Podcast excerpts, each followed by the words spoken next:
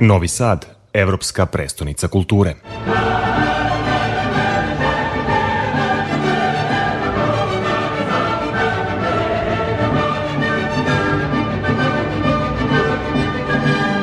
Bliži se kraje godine, vreme kada sumiramo utiske. Šta je po vašem mišljenju ono glavno što je titula Evropske predstavnice kulture donela Novom Sadu?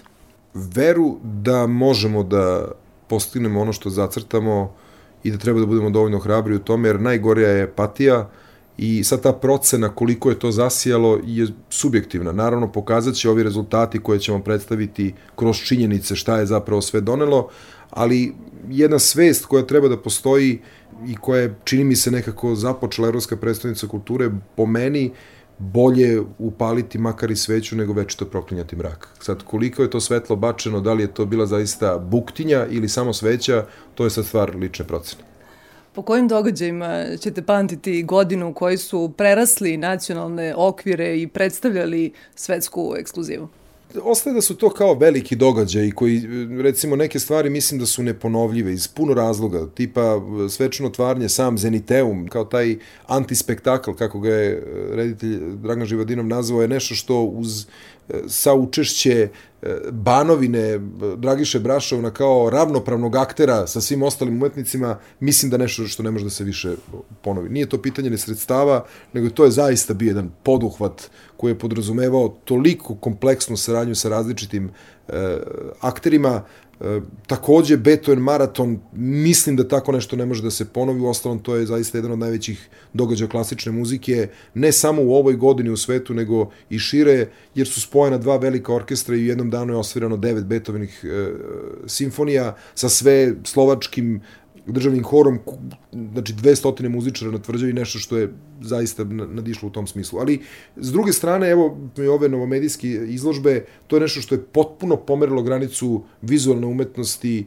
i dala novi impuls i hrabrost, a na sve to kroz jedno drugačije predstavljanje uslovno klasičnog slikarstva Uroša Predića, Save Šumanovića, ali kroz modernizaciju, pristupačnost i tako dalje, vi ste zaista dobili jedan potpuno razigran, razigranu priču na sve to, evo sada mi samo navjeru nakon, jer je puno toga urađeno i, i kažem, pomenio sam čak i te neotkrivene heroje, ali jedna od tih neotkrivenih heroja je recimo i sam strip da mi zaista kao na osuđeni nismo znali da je Novi Sad jedan od svetskih centara stripa i dalje, iako možda ne u formalnom smislu ne postoji neki forum koji na to način radili kao freelanceri, kao samostalni umetnici koji dalje stvaraju, imaju snažnu produkciju iz Novog Sada, Novi Sad i dalje jeste lider u tom smislu.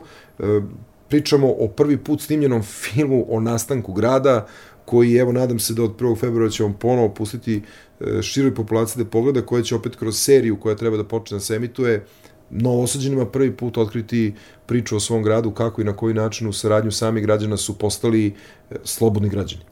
Evo, polako ispraćamo ovu 2022. godinu. Da li će projekat Evropske predstavnice kulture nastaviti da živi u nekom drugom obliku i da li će Fondacija Novi Sad, Evropska predstavnica kulture, nastaviti sa radom? To je pitanje pre svega za donosioca odluka u gradu. Ja verujem da ono što je dobro započeto, niko ne želi da, da, da se toga liši. E, kako i u kojoj formi čekamo još uvek da vidimo ono što je do nas bilo, moram da napomenem to da nijedna evropska predstavnica kulture nije praktično e, kalendarski, ako posmatrate, pri, predstavila svoj program u tri godine. Ovo, ovo vam kažem kada posmatrate da je počeo program 31. decembra 2021. a završava se 13. januara 2023 uglavnom evropske predstavnice kulture traju 8 do 9 meseci. Dakle, ovo je nešto što je nadišlo sve do sada. I s druge strane, pa ste, šesti doček. Niko ne radi Znači, svi se koncentrišu na tu godinu da pripreme programe. To je zapravo pokazivalo našu snažnu volju da stvari koje smo započeli, da nije sama za sebe suština ta titula, nego šta gradimo, šta smo izgradili i šta nam ostaje posle toga. Otuda verujem da u programskom smislu ono za što će se fondacija zalagati jeste još snažniji, još bolji kalidoskop kulture i doček kao nešto što zaista jeste prepoznatljivost dva ključna momenta grada.